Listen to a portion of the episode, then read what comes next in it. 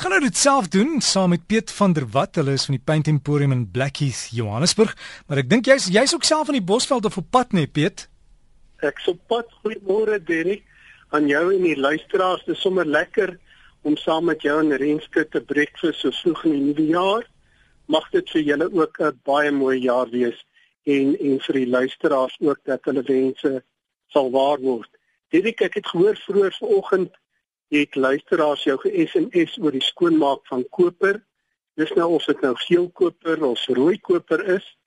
Ja, die daar is paar produkte in die handel natuurlik beskikbaar, weet soos die Brasou en die Solvou en so meer wat 'n mens kan gebruik en dan het ek ook gehoor van die boereraad waarvan jy gepraat het. Dit werk natuurlik ook baie goed en sommige mense meng ook koeksoda daarmee saam.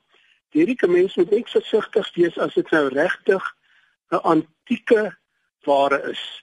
Dan moet 'n mens versigtig wees met enige iets wat 'n mens bygooi wat grof kan wees, soos suiker, soos sout en so meer koeksoda, want dit maak dit 'n bietjie grof met ander woorde, dan skuur jy hom ook skoon. Dit werk baie goed, maar jy sien dikwels op regtig antieke ware die goed is al half deurpoleer.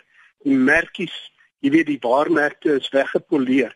So mense moet baie versigtig wees as 'n mens dan met fyn ware werk.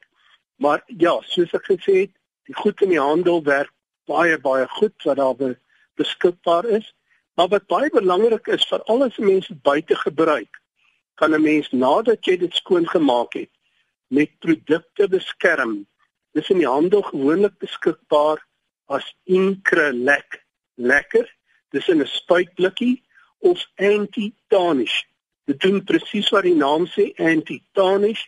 'n Mens spuit dit daaraan, dit vorm 'n dun laagie en dan keer dat die suurstof by die oppervlak uitkom. Met ander woorde, dit oksideer nie en dit word nie so gou vuil nie. Dit is natuurlik nie altyd gewens met eetgerei nie of liewer heeltemal uh, moet mense dit liewer nie doen met eetgerei nie, maar dekoratiewe items kan 'n mens regtig so beskerm. Jy kan selfs ook 'n deurskynende lakverdunner gebruik en daaroor spuit want wat soos ek gesê het wat jy maar eintlik bereik is eerder die suurstof by oppervlak kom en dan vind daar nie oksidasie plaas nie. Maar Derek, ek het tog gedink ons moet weer 'n bietjie gesig oor die waterskade, die waterprobleme. Ons kry tientalle navrae elke week daaroor. En wat ons gewoonlik doen is om 'n paar state te vra en dis 'n vraag wat elke huiseienaar dan maar vir homself kan afvra is is die probleem binne of is dit buite? Is dit onder op die muur? Is dit in die middel van die muur? Is dit oor die hele muur? Of is dit aan die bokant van die muur? Sodat 'n mens kan bepaal wat die oorsaak is, dat 'n mens kan besluit en die regte raad vra om die regte produk dan te gebruik. As dit bo op die muur is, is dit gewoonlik maar water wat van bo af inkom. Dit kan 'n geet wees wat oorloop, dit kan 'n verlei wees wat verstop is. Dit kan wees dat die parapet muur, dis nou die borswering in Afrikaans, dis waar die dak nie oor die muur kom nie. Dat daar nou al basies gevorm het dat die water ingaan en dan natuurlik afbeweeg in die pleister en dan die verf laat afdop. Nou daar is dit natuurlik baie maklik om dit net skoon te maak. As die verf heeltemal afgedop het, sal 'n mens dit eers met 'n plaaste praner verf 'n dag laat droog word en dan met hierdie waterdigting produkte wat die veseltjie in het, soos Plascon se Multiseal met 3 lae verf. En dit keer dan dat water in die muur ingaan.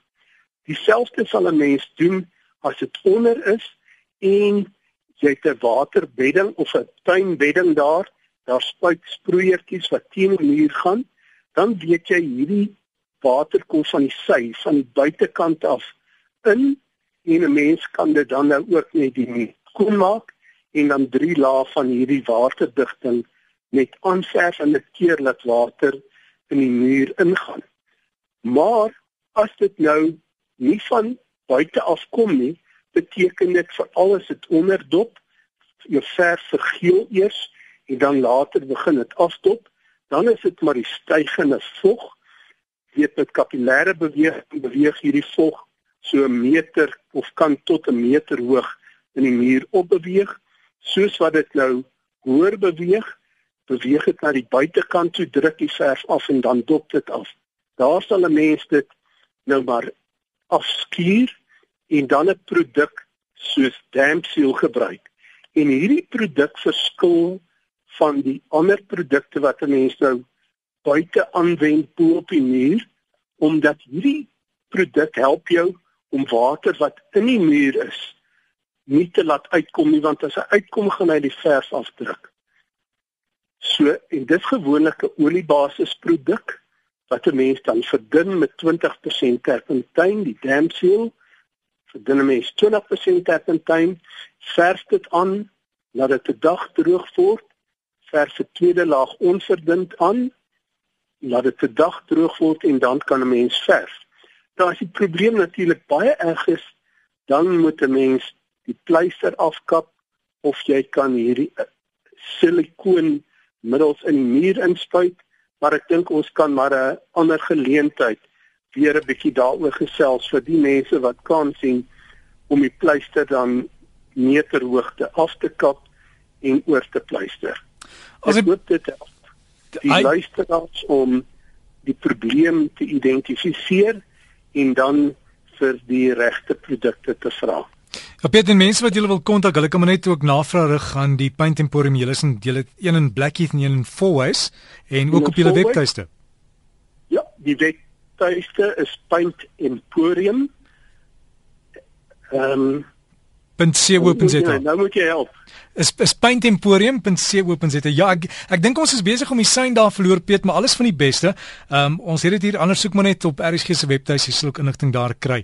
En dit was dan ons verfnardebare kenner en sterkte met daai daai vogtigheidsprobleme daar in die huis en paintemporium.co.za is dan hulle webtuiste en Piet, ek hoop jy geniet jou kuier daar in die Bosveld.